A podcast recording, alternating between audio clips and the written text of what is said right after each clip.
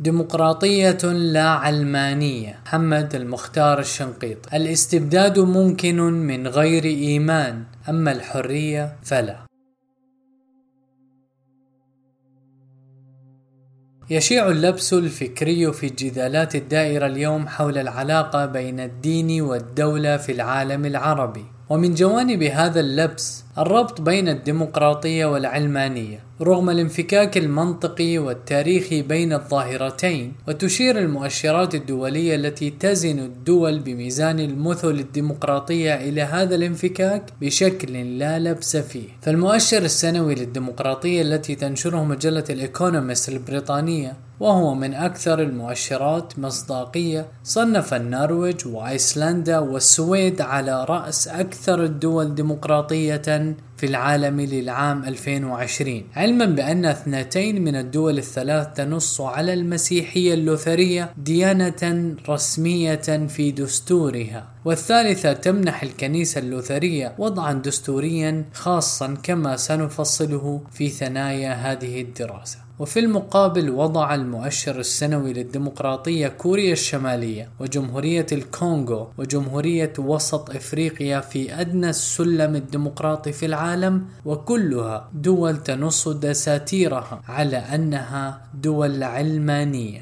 ومع ذلك يجادل بعض العلمانيين العرب بأن عملية العلمنة وتعني تحييد الدين سياسيا وعملية الديمقراطة وتعني تحييد الملكية أو بكلمات أخرى توسيع المشاركة السياسية. تشكلان سوية من دون أدنى شك عملية التحرير السياسي. ونحن إذ نتفق مع الشق الثاني من هذه المقولة عن توسيع المشاركة السياسية فإننا نرى الشق الأول الداعي إلى تحييد الدين سياسيا مجرد موقف أيديولوجي لا تسنده الحجج المنطقية. ولا الوقائع العملية وتنطلق هذه الدراسة من رفض هذا الربط بين الديمقراطية والعلمانية فغايتها الإسهام في رفع هذا اللبس من خلال تناول هذا الموضوع من مداخل جديدة والدخول إليه عبر دروب غير مطروقة كثيرا في الخطاب العربي المعاصر.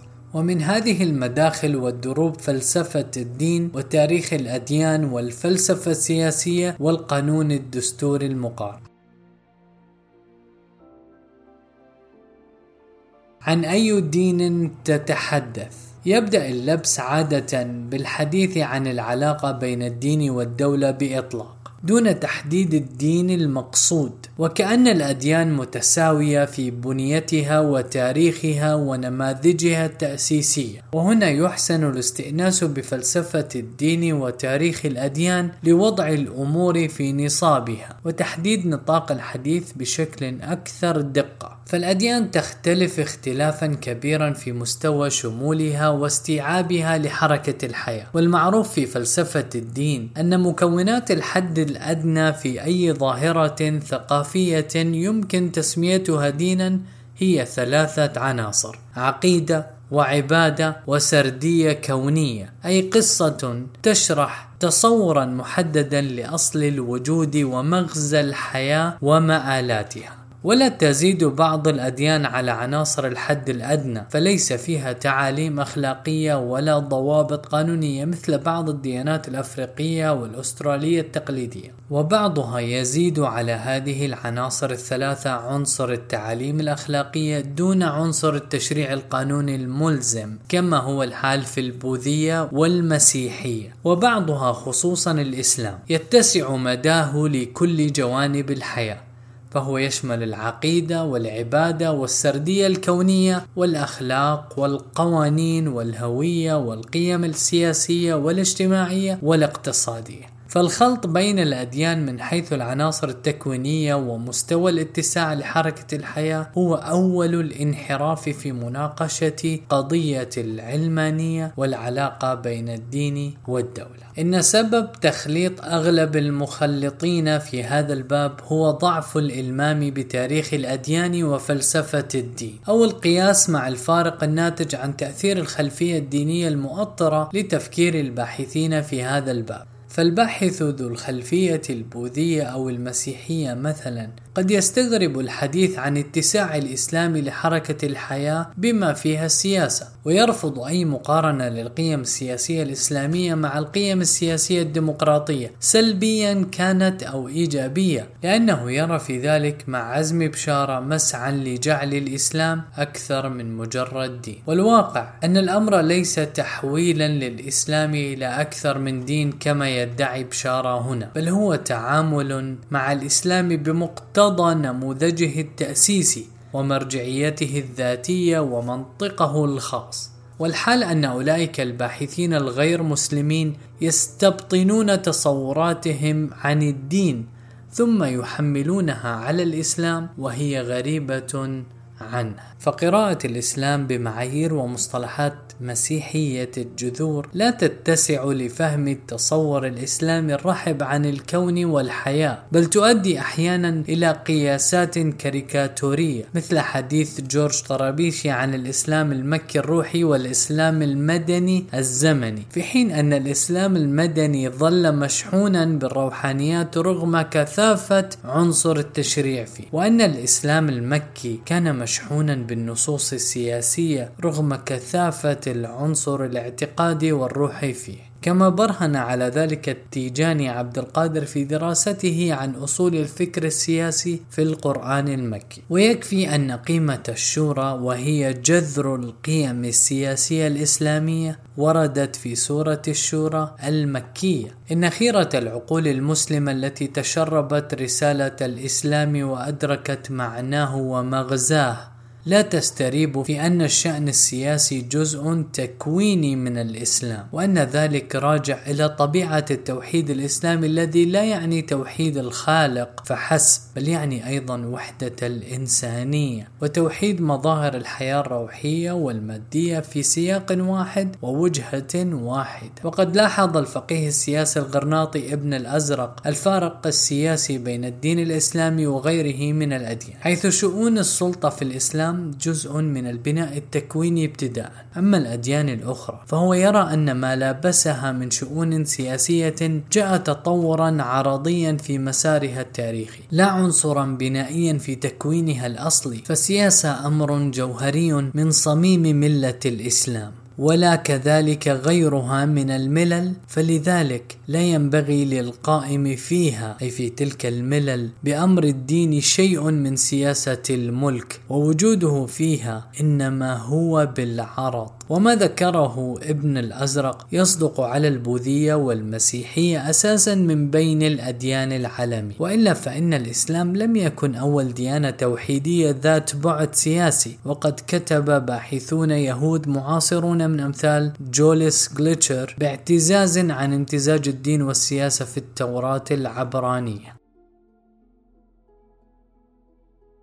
بين البوذية والمسيحية والإسلام. ويحسن في هذا السياق أن نقارن بين البوذية والإسلام وبين المسيحية والإسلام من حيث المولد والنشأة والسياق التاريخي. فالمعروف عند مؤرخي الأديان أن الديانة البوذية ولدت في ظروف سلاخ من السياسة والشأن العام. فمؤسس هذه الديانة سيدهارتا غوتاما بوذا الذي عاش في القرن الخامس قبل الميلاد كان في بداية حياته أميرا. ثم انسلخ من الحياة السياسية ليعيش حياة حرمان وتقشف وتعذيب للنفس. املا في أن يصل إلى درجة تنوير فكانت مسيرة بوذا والنموذج التاسيسي الذي سنه لمن بعده هو الهروب. الهروب من حركة الحياة العامة والتركيز على الخلاص الفردي. وهذا المسار مناقض تماما لحياة محمد صلى الله عليه وسلم الذي بدأ حياته قبل الإسلام منعزلا عن حركة الحياة. لكن رسالة الإسلام هي التي أخرجته من عزلته في غار حراء ودفعته للانخراط في مدافعات الحياة العامة مبشرا ونذيرا وقائدا سياسيا وعسكريا دون أن يفقد الألق الروحي ولذة العبادة. فكان صلى الله عليه وسلم مثالا للإنسان الكامل الذي جمع بين جنبيه كل مظاهر الحياة الروحية والمادية الخاصة والعامة ولم يرضى لأصحابه الانحراف عن هذا المنهج المتوازن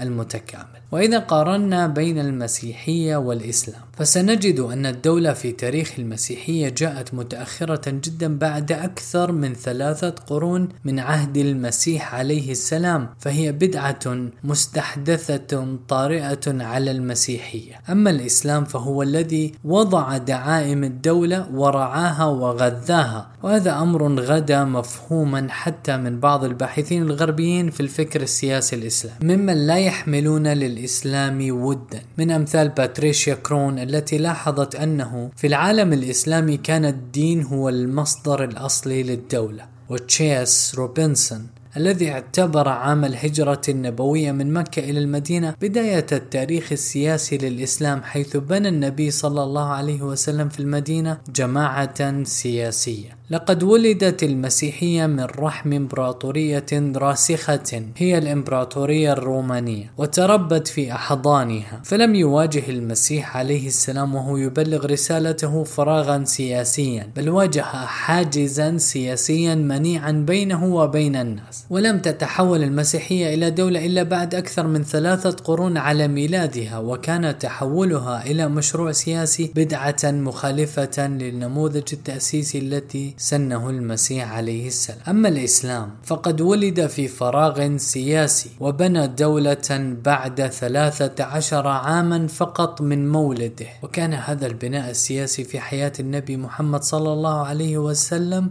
على يديه ومن دون أخذ هذين المولدين المختلفين في الاعتبار يعجز العديد من الباحثين في الفكر السياسي والتاريخ السياسي عن فهم الاختلاف الجذري بين الإسلام والمسيحية في المسألة السياسية والقانونية. فلم تبني المسيحية دولة بل خرجت من أحشاء دولة قائمة ولم تأتي بقانون جديد بل ورثت القانون الروماني بينما ولد الإسلام في أرض بكر خالية من تقاليد السياسة والقانون فبنى دولته الخاصة وسن قانونه الخاص ولا شك في وجود حكمة إلهية من وراء ذلك في الحالتين الله أعلم حيث يجعل رسالته. وظل القانون الإسلامي يحكم المجتمعات المسلمة إلى مطالع العصر الحديث. بينما كان القانون الروماني هو الذي حكم المجتمعات المسيحية طيلة تاريخها حتى عدلته أو استبدلت به قوانينها المعاصرة. فأول سؤال يجب أن يجابه به دعاة العلمانية في المجتمعات الإسلامية سواء كانوا من أبناء الأقليات الدينية والأقليات اللادينية هو أي دين تتحدثون وإلى أي نموذج تأسيسي تشيرون؟ إن الأديان تختلف في بنيتها وفي نماذجها التأسيسية، فليست البوذية كالمسيحية ولا المسيحية كالإسلام، وليس النموذج التأسيسي الذي قدمه بوذا أو المسيح عليه السلام بأقواله وأفعاله شبيها بالنموذج التأسيسي الذي قدمه محمد صلى الله عليه وسلم بأقواله وأفعاله.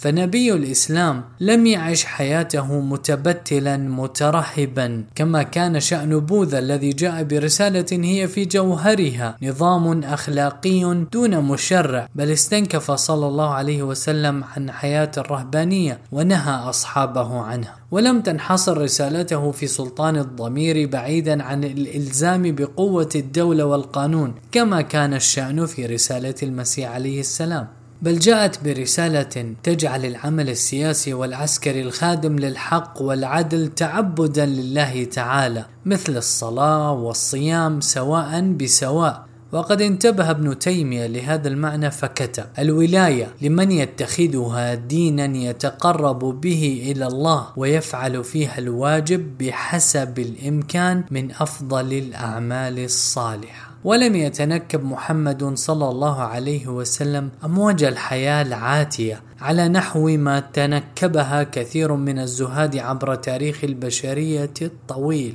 ولا اكتفى بتحريك الضمائر من بعيد على نحو ما فعل بذلك عديد من المصلحين والوعاظ. بل أمسك بزمام الحياة وأرغم القوة على الإذعان للحق وقدم منهاجا اخلاقيا وتشريعيا وسياسيا متكاملا جمع بين سلطان الضمير وسلطان المجتمع وسلطان الدولة. وما كان الإسلام ليقف عند سلطة الضمير فقط ويهمل سلطة المجتمع وسلطة الدولة لأنه دين واقعي يتعامل مع بشر لا ملائكة. وهذا ما أشار إليه القرآن الكريم في قول الله عز وجل قل لو كان في الأرض ملائكة يمشون مطمئنين لنزلنا عليهم من السماء ملكا رسولا. صدق الله العظيم. الإسلام شريعة عدل وفضل وبهذه الرحابة الواقعية لم يكن الإسلام مجرد ملهم لعقيدة جديدة ومعنى جديد للحياة. ولا مجرد يقظة روحية وأخلاقية بل كان أيضا إلى جانب كل ذلك حركة سياسية دائبة ومبدأ سياسيا منظما لشؤون المجتمع وصوتا مدويا منحازا للمظلوم ضد الظالم ومصرا على إنصاف المحكوم من الحاكم. وقد أفضت في تأصيل قيم الإسلام وأحكامه السياسية من خلال نصوص القرآن والسنة. في دراسة سابقة يمكن الرجوع إليها الأزمة الدستورية في الحضارة الإسلامية. ويكفي أن أقول هنا أن الإسلام بدل البنية الاجتماعية والسياسية للعرب وغيرهم من الشعوب التي اعتنقته وغير مصائرهم السياسية ومكانتهم في التاريخ. فالإسلام حول قبائل الجزيرة العربية من أعراب إلى عرب كما لاحظ جمال حمدان بحق. لأنه صنع منهم أمة جديدة في بنائها السياسي وحضورها الدولي. وقبل حمدان بقرون لاحظ ابن خلدون ببصيرة ثاقبة أن العرب لا يحصل لهم الملك إلا بصبغة دينية من نبوة أو ولاية أو أثر عظيم من الدين على الجملة. ومثل ذلك يقال عن كل الشعوب التي تدين للإسلام بإسهامها في التاريخ السياسي والعسكري العالمي مثل الترك والكرد والأمازيغ وغيرهم. فلم يختلف الإسلام عن المسيحية في التصور السياسي فقط بل اختلف عنها في الإنجاز السياسي الناجز في بواكير كل من الرسالتين. ولا ينكر الباحثون الغربيون هذا الاختلاف فقد حقق الإسلام بخلاف المسيحية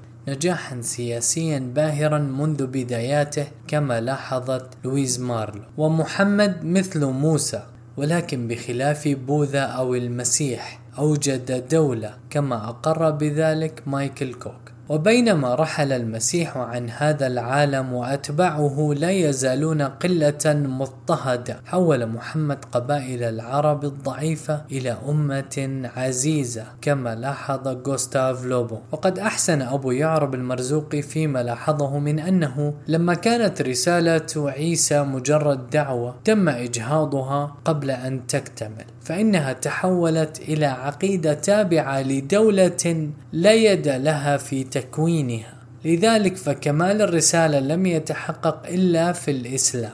فبينما لم تتحول المسيحية إلى دولة إلا بعد ثلاثة قرون وثلث قرن لا يكاد يختلف أي دارس جاد لتاريخ الإسلام مع رضوان السيد. في أن الدولة قامت في زمن النبي صلى الله عليه وسلم أو مع الأستاذ هشام جعيط في أن محمدا صلى الله عليه وسلم قد أورث أمته والعالم دينا مكتملا ودولة مهيمنة على الجزيرة العربية كلها مترابطين بشكل لا يقبل الانفكاك. وقد أحسن ابن تيمية إذ بين في مقارناته للإسلام مع اليهودية والمسيحية طبيعة الشمول والاستيعاب لجميع جوانب الحياة التي اتسم بها الإسلام فقال الآتي: موسى جاء في شريعته بالعدل، وعيسى جاء بتكميلها بالفضل، وهو صلى الله عليه وسلم.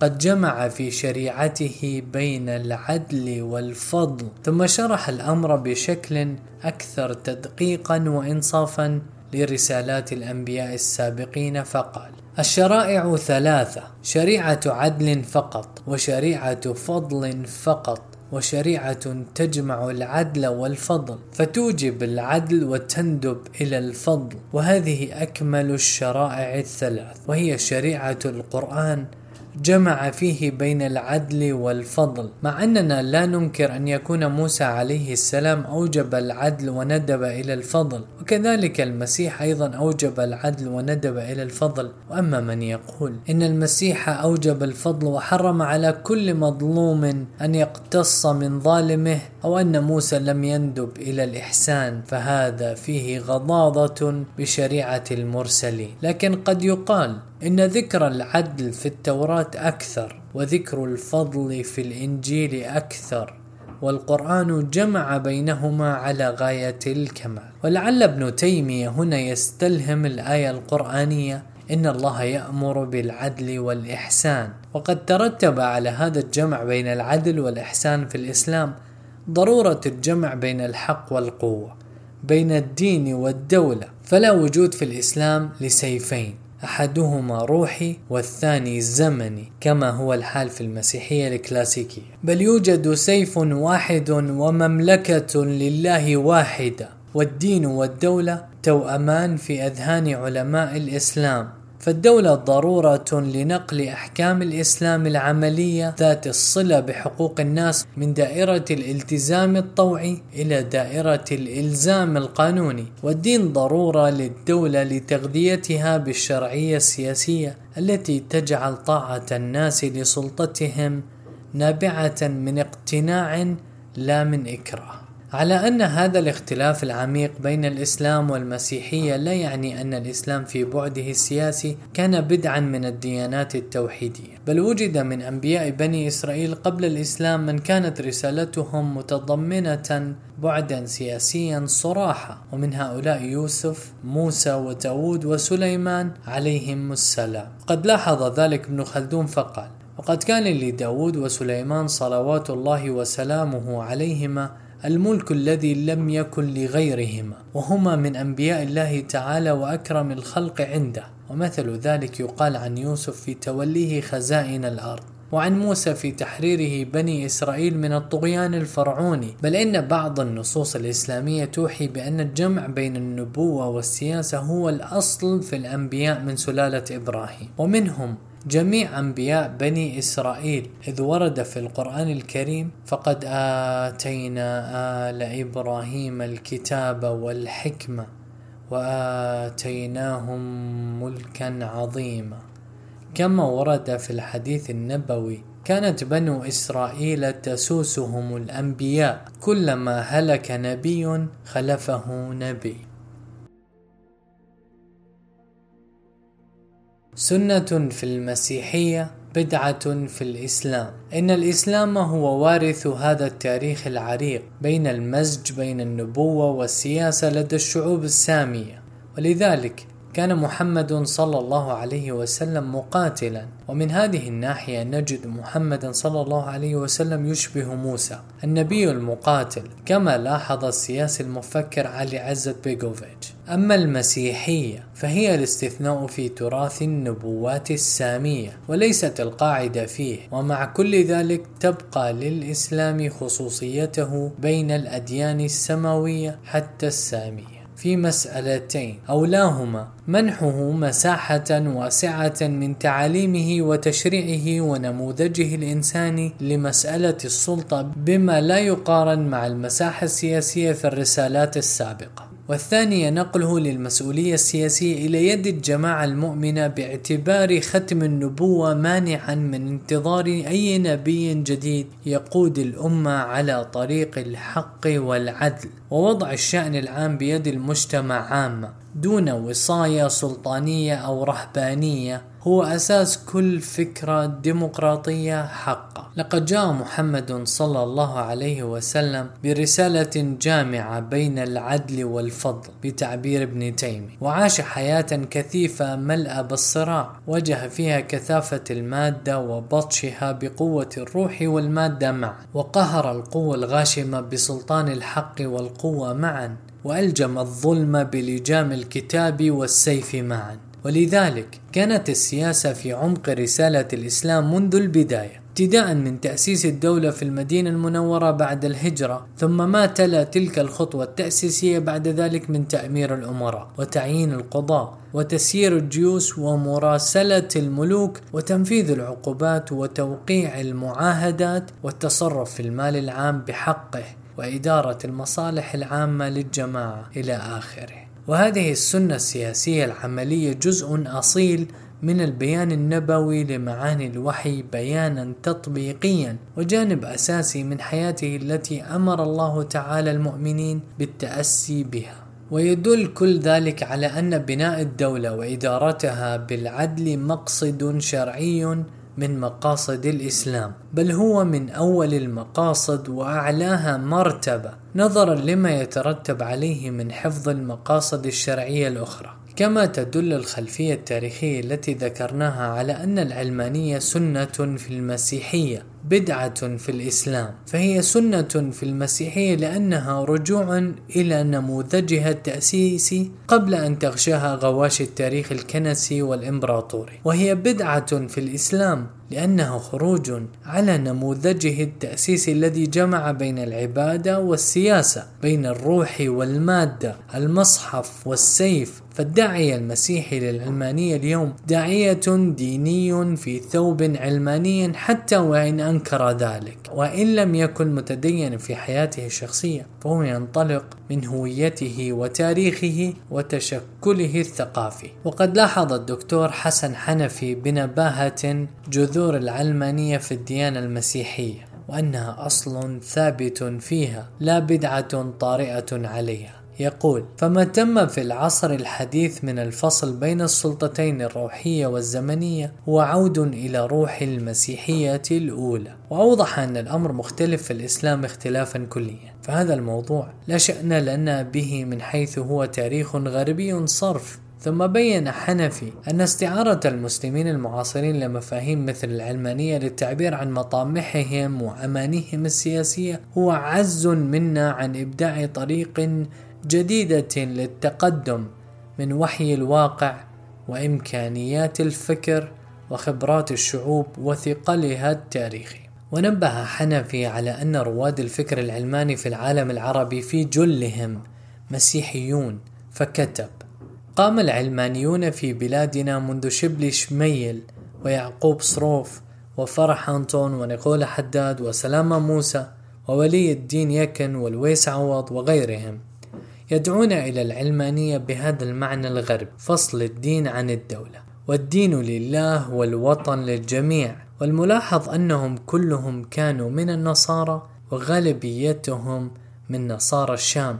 الذين كان ولاؤهم الحضاري للغرب ولا ينتسبون إلى الإسلام دينا أو حضارة وتربوا في المدارس الأجنبية وفي إرساليات التبشير. وكان المفكر المغربي محمد عابد الجابري قد وضع إصبعه على الجرح حين أوضح أن العلمانية بمعنى فصل الدين عن الدولة غير ذات موضوع في الإسلام لأنه ليس فيه كنيسة حتى تفصل عن الدولة وأن القول بأن الإسلام دين لا دولة هو في رأيي قول يتجاهل التاريخ. وهذا تقرير دقيق لحقيقة ماثلة في النص الإسلامي وواقع معلوم في التاريخ الإسلامي ثم توصل الجابري إلى أن مسألة العلمانية في العالم العربي مسألة مزيفة. وفي رأيي أنه يجب استبعاد شعار العلمانية من قاموس الفكر العربي وتعويضه بشعاري الديمقراطية والعقلانية وبعد وضع الأمور في نصابها من حيث الفارق بين الأديان في مولدها ونموذجها التأسيسي يبقى أن نقول إنه حتى الديانات الغير السياسية في مولدها وبنائها التأسيسي قد تؤثر في السياسة والدستور والقانون تأثيرا بليغا نظرا لعمق حضور الدين في هوية المجتمعات وقيمها. وسنرى كثافة حضور الدين في دساتير دول غير مسلمة في ثنايا هذه الدراسة. وهو أمر يؤكد من باب أولى ضرورة المرجعية الإسلامية في الدساتير.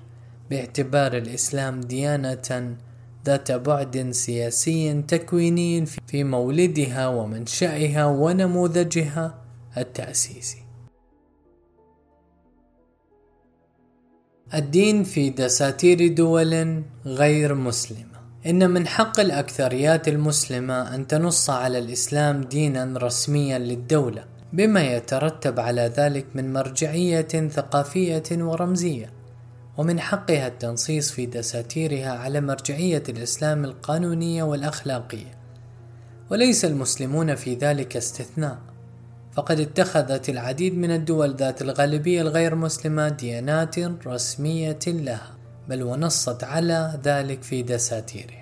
وبعض هذه الدول حدد مذهبا معينا في دينه. احتراما لاختيار الأغلبية من شعبه رغم أن ديانات بعض تلك الشعوب ليس في نموذجها التأسيسي بعد سياسي. ولو كانت ديانات شعوب تلك الدول تشبه الإسلام في تراثها التشريعي والسياسي لوجدنا التنصيص على في دساتيرها على تلك الديانات مصدرا للقوانين أيضا. وفيما يلي مجرد نماذج وليست جردا حصريا لوضع الدين في دساتير عدد من الدول الغير مسلمة وبعضها دول غربية عريقة في الديمقراطية. فالنرويج التي حازت الرقم الأول في المؤشر السنوي للديمقراطية عام 2020 ينص دستورها على أن قيمنا ستظل تراثنا الإنساني والمسيحي وعلى أنه يجب أن يظل الملك دائما مؤمنا بالديانة الإنجيلية اللوثرية. وأيسلندا الحاصلة على الموقع الثاني في المؤشر الديمقراطي ينص دستورها على التالي. الكنيسة الإنجيلية اللوثرية هي الكنيسة الرسمية في أيسلندا وبصفتها هذه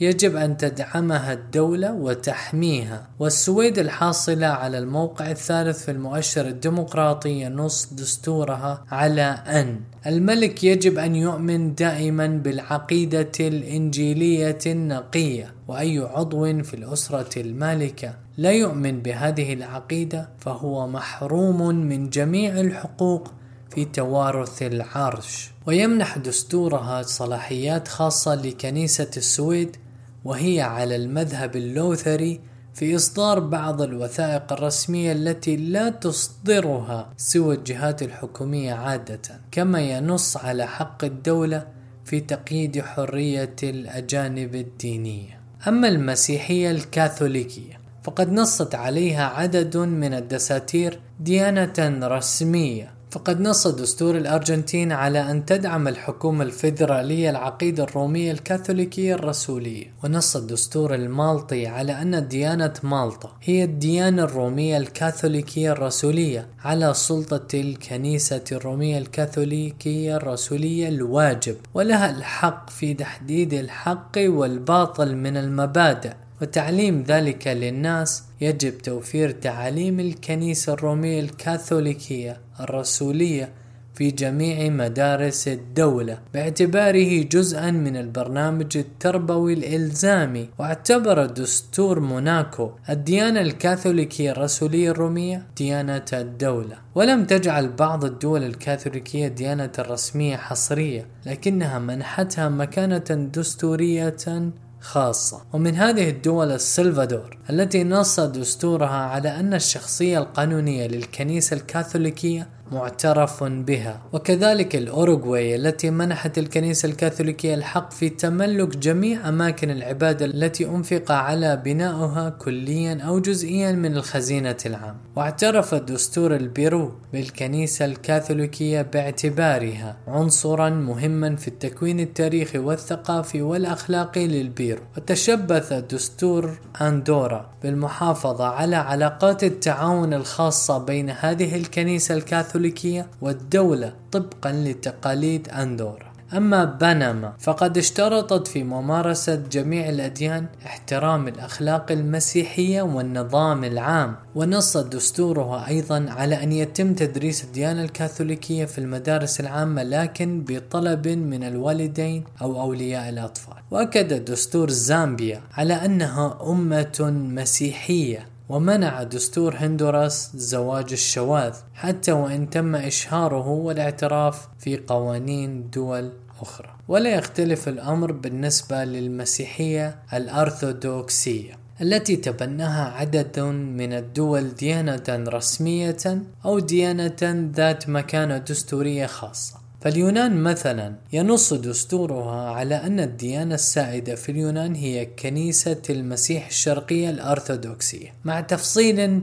ممل وغير معتاد في نصوص الدساتير عن عقائد هذه الكنيسة وخصائصها وتاريخها. ومنع الدستور اليوناني الإساءة إلى الديانة المسيحية أو أي ديانة أخرى معترف بها. كما امتاز دستور اليونان بأمر آخر لا مثيل له في الدساتير وهو أنه يجب الحفاظ على نص الكتاب المقدس دون تحريف أو أي ترجمة رسمية لهذا النص إلى أي لغة أخرى دون ترخيص من كنيسة اليونان وكنيسة المسيح العظمى في القسطنطينية فهي محظورة وجعل دستور بلغاريا المسيحية الشرقية الأرثوذكسية هي الديانة التقليدية لجمهورية بلغاريا ونص دستور أرمينيا على أن جمهورية أرمينيا تعترف بالرسالة الاستثنائية للكنيسة الأرمنية الرسولية المقدسة باعتبارها الكنيسة الوطنية في الحياة الروحية للشعب الأرمني. وفي تطور الثقافة الوطنية وفي المحافظة على الهوية الوطنية علما بأن المسيحية الأرمنية فرع قومي من فروع المسيحية الأرثوذكسية. مثله مثل المسيحية القبطية قد افتخرت المجر بأنها جزء من أوروبا المسيحية منذ ألف عام وأشادت بدور المسيحية في المحافظة على الهوية الوطنية ومثلها لاتفيا التي أكدت على أن مكانتها في الفضاء الثقافي الأوروبي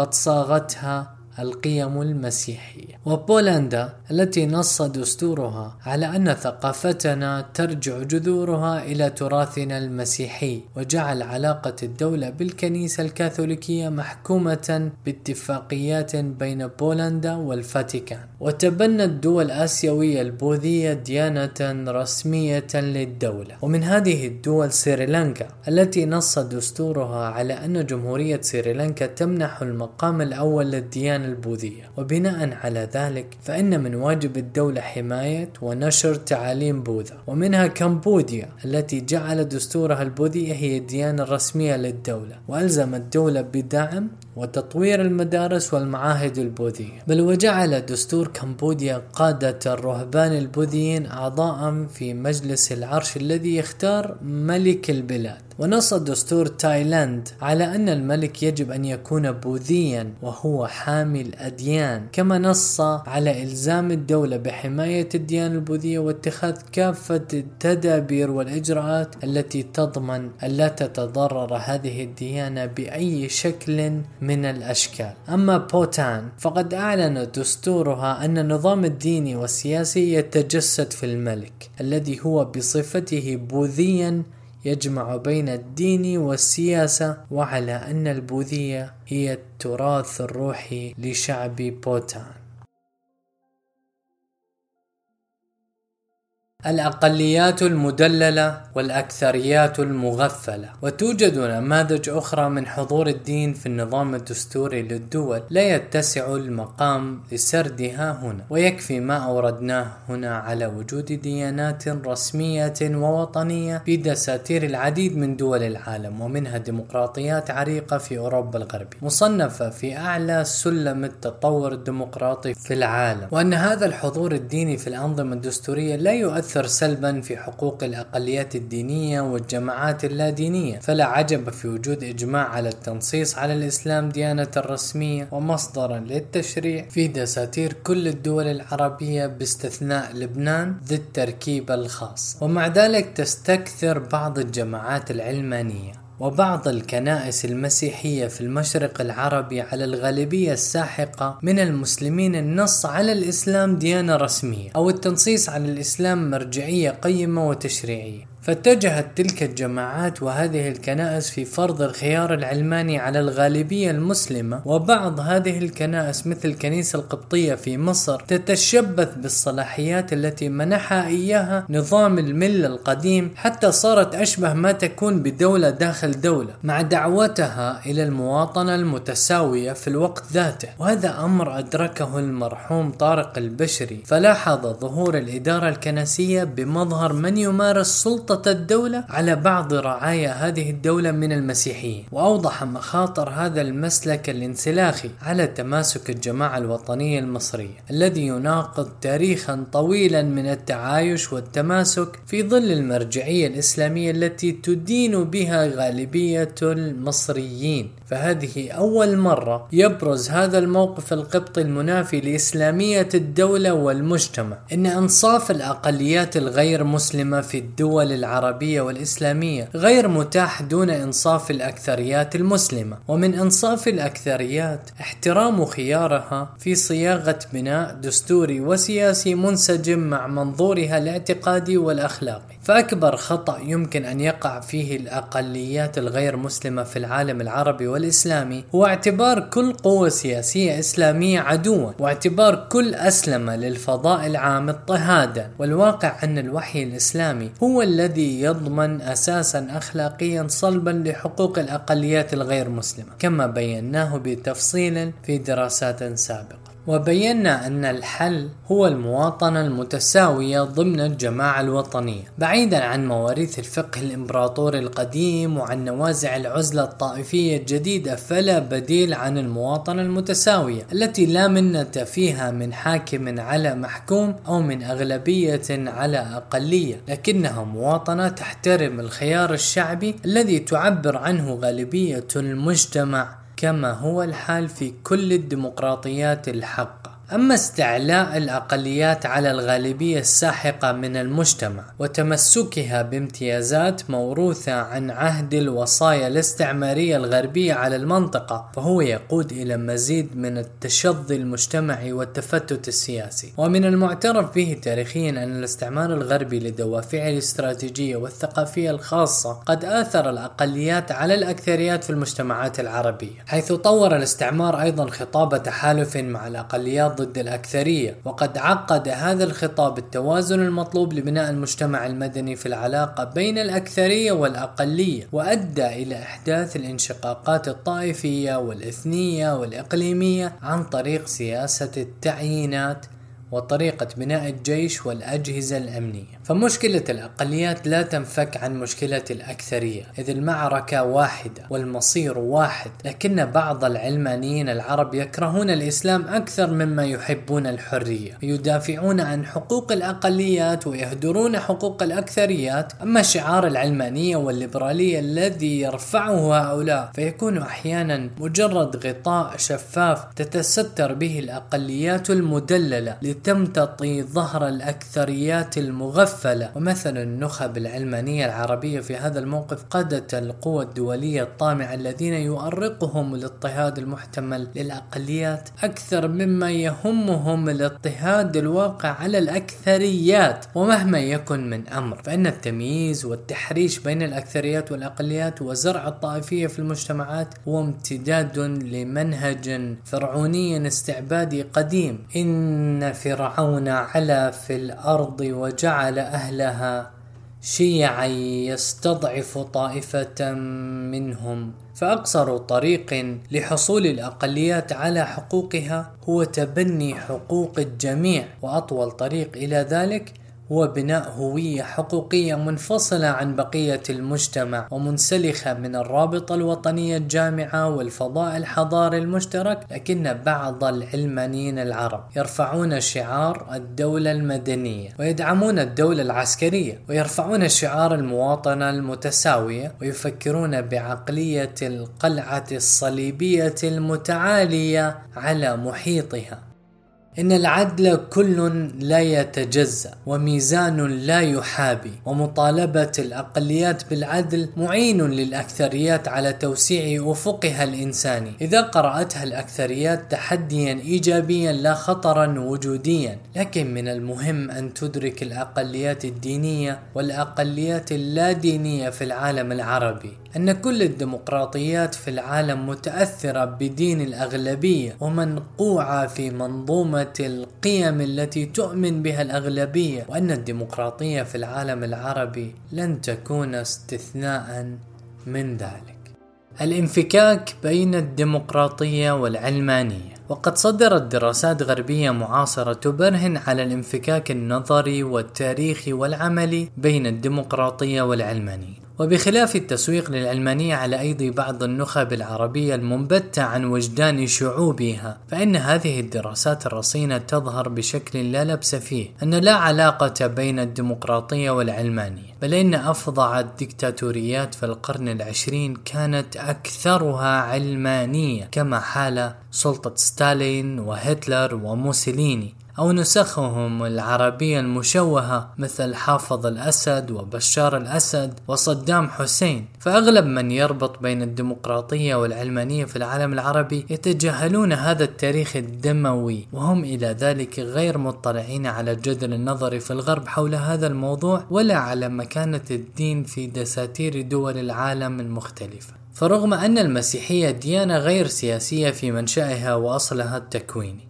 فإنها كمنظور فلسفي وأخلاقي أثرت تأثيرا عميقا في التطور الديمقراطي الغربي خصوصا لدى الشعوب ذات الخلفية البروتستانتية على عكس ما تقول به السردية العلمانية التي ترجع جذور الفكرة الديمقراطية حصرا إلى التراث اليوناني والروماني السابق على العصر المسيحي. وبسبب المنح التركيبي بين الدين والدنيوي في المذهب البروتستانتي تصالحت الديمقراطية مع الدين في هذا المذهب المسيحي المتخفف من الكهنوت البابوي والوصايا على ضمائر الناس. لذلك نجد هذا التلاحم بين الدين والحرية في الثورة الإنجليزية التي هي أولى الثورات السياسية الحديثة فقد كانت الشعارات المكتوبة على راية ويليام أوف أورنج وهو يقتحم إنجلترا لإقامة أول ملكية دستورية في التاريخ هي من أجل الحرية من أجل الدين البروتستانتي من أجل البرلمان. وتكرر التلاحم ذاته بين الدين والحرية في الثورة الأمريكية.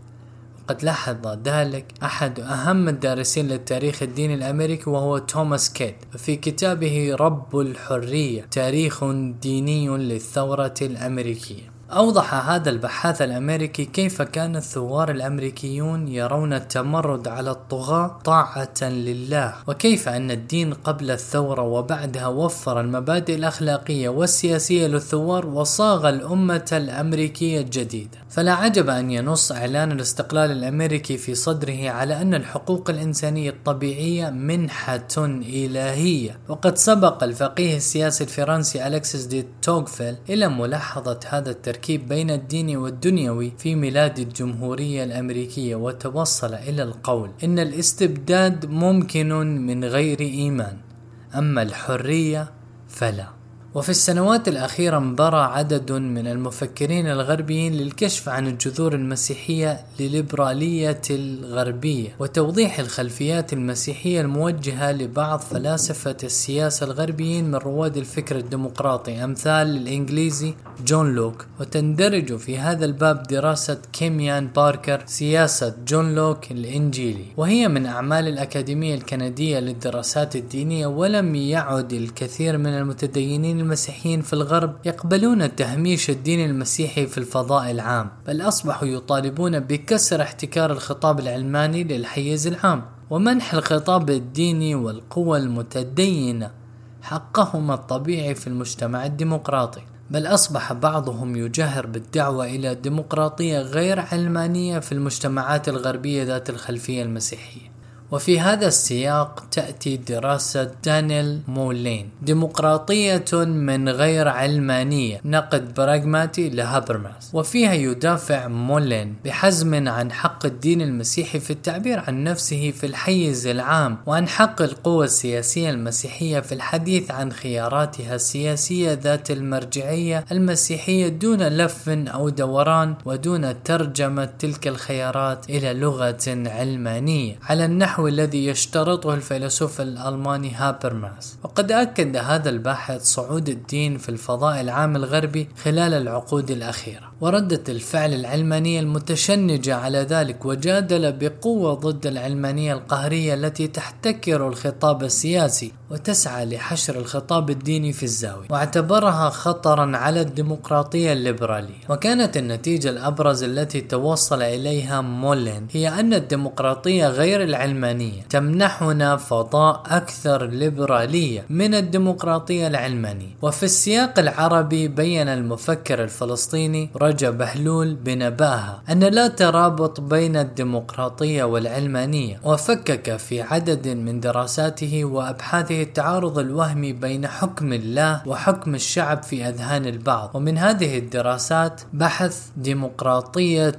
دون علمانية تأملات في فكرة الديمقراطية الإسلامية. ومقال هل الديمقراطية تستلزم العلمانية ودراسة أخرى الشعب مقابل الرب منطق الحاكمية الإلهية في الخطاب الديمقراطي الإسلامي؟ مزيد من الحرية مزيد من الإسلام. وعلى عكس الزعم بتلازم الديمقراطية والعلمانية أكدت دراسات دستورية صادرة في الأعوام الأخيرة التلازم بين توسع مساحة الحرية السياسية ومكانة الإسلام في الشأن العام. ومن ذلك ما لاحظه داود أحمد من جاذبية الإسلام في لحظات التحول الديمقراطي.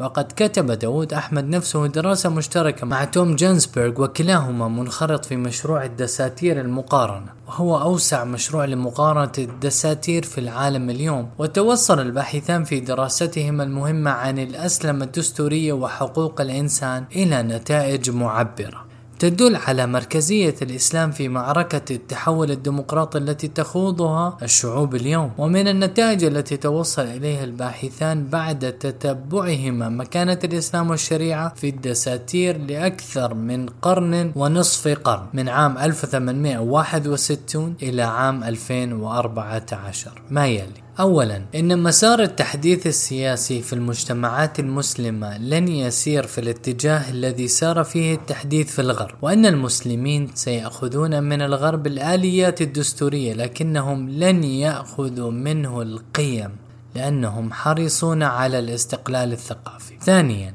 أن النص على الإسلام أكثر في دساتير الدول ذات الماضي الاستعماري البريطاني منه في دساتير الدول ذات الماضي الاستعماري الفرنسي. وهذه نتيجة تعكس خشونة العلمانية الفرنسية وطبيعة الاستعمار الفرنسي الشمولية الاستبدادية. ثالثا أن ارتفاع عدد المسلمين بين سكان أي دولة يجعل احتمال وجود هذه المواد الإسلامية في الدساتير أكبر لأنه مطلب شعبي. شعبي حتى الدساتير المكتوبة تحت الاحتلال الأمريكي في أفغانستان والعراق. تضمنت التنصيص على منع أي قانون مناقض للإسلام.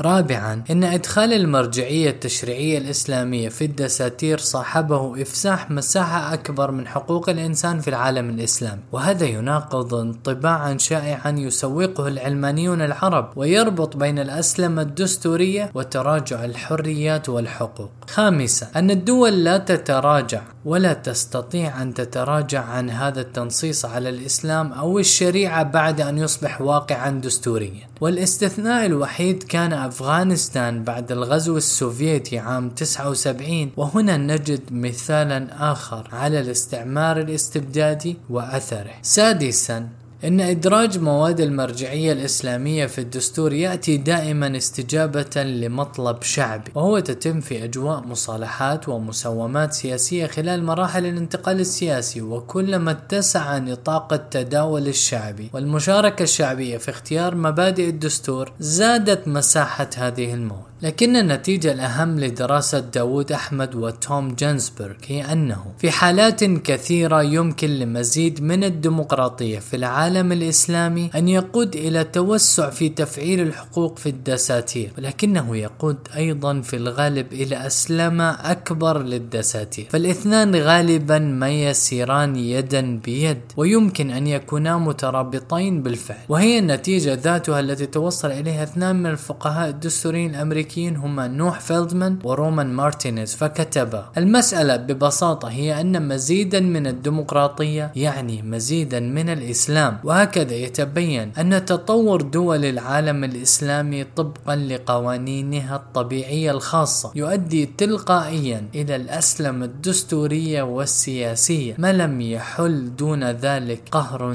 داخلي أو تدخل خارجي أو هيمنة للأقليات الدينية واللا دينية على الخطاب السياسي وعلى سرديات الهوية والذاكرة والمستقبل. لقد أدى توسع حضور الإسلام في الشأن العام إلى توسع مساحة الحرية السياسية والحقوق الأساسية، وهذا الحضور الإسلامي في الشأن العام لا يحتاج سلطة قهرية، بل يحتاج شعوبا حرة مؤمنة بالإسلام وبإنسانية الإنسان. فالمفارقة بين التدين المجتمعي والعلمانية السياسية ظاهرة مفتعلة في المجتمعات الإسلامية وتوجد تجارب إسلامية ديمقراطية رائدة تعتبر من أنجح الديمقراطيات وأكثرها استقرارا وأصونها لحقوق الأقليات كما هو حال ماليزيا مثلا الذي ينص دستورها على الإسلام هو دين الفيدرالية. ويمكن ممارسة الأديان الأخرى بسلام وانسجام في كل أنحاء الفيدرالية وأن ملك ماليزيا هو قائد الدين الإسلامي في البلاد علما بأن نسبة المسلمين في ماليزيا أقل بكثير من نسبة المسلمين في أي دولة عربية باستثناء لبنان. وربما يسأل سائل عن مدى إفادة النصوص الدستورية على الإسلام.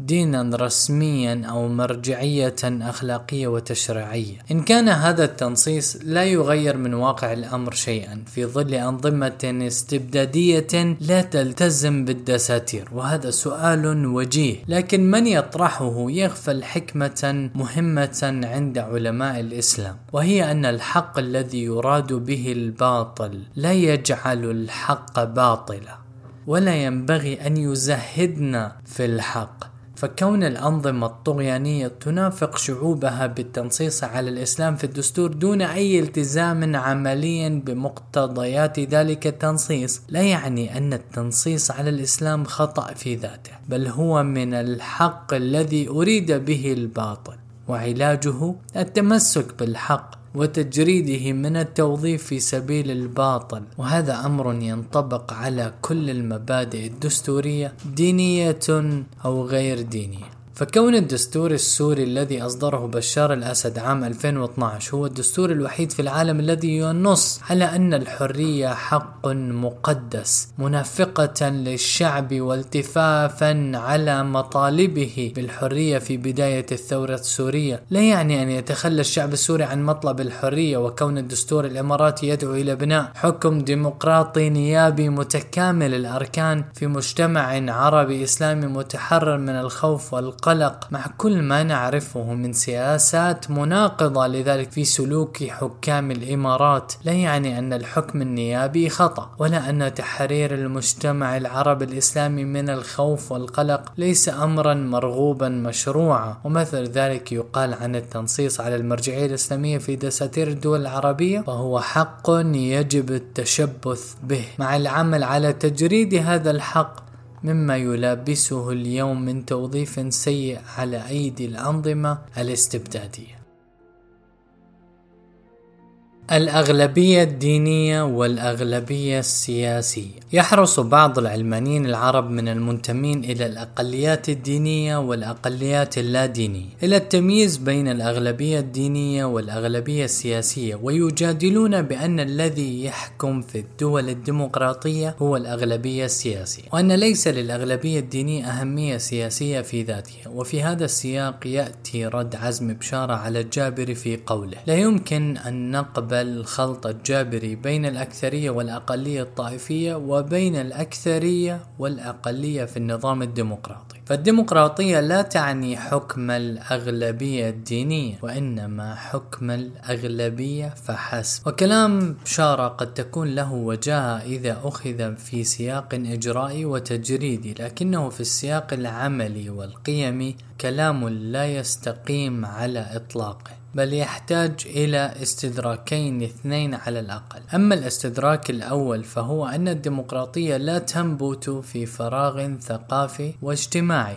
والدولة ليست كيانا إجرائيا مجردا بل هي حصاد تدافعات وتوافقات اجتماعية منقوعة في الهوية الثقافية والتاريخية لكل مجتمع. والديمقراطيات التي لا تنحاز لدين الأغلبية في نصوص الدساتير تنحاز له في نصوص القوانين. وفي المراسيم الإدارية وفي الانتخابات الدورية وكل ذلك ناتج عن ترجيحات واختيارات مرتبطة بثقافة الناخبين وعقائدهم وقيمهم فضلا عن مصالحهم المادية المتعينة. فليس غريبا أن أكثر من قرنين وثلث القرن من الديمقراطية الأمريكية الراسخة لم يجلب للرئاسة سوى رئيسين كاثوليكيين من أصل 45 رئيسا هما الرئيس القتيل جون كينيدي والرئيس الحالي جو بايدن. ورغم أن الدستور الأمريكي لا يميز ضد الكاثوليك وهم مسيحيون ويصل تعدادهم نحو خمس السكان البالغين فإن كل الرؤساء الأمريكيين باستثناء هذين ينتمون إلى الغالبية البروتستانتية بأطيافها المختلفة مع مدنية ومنهجية ومشيخية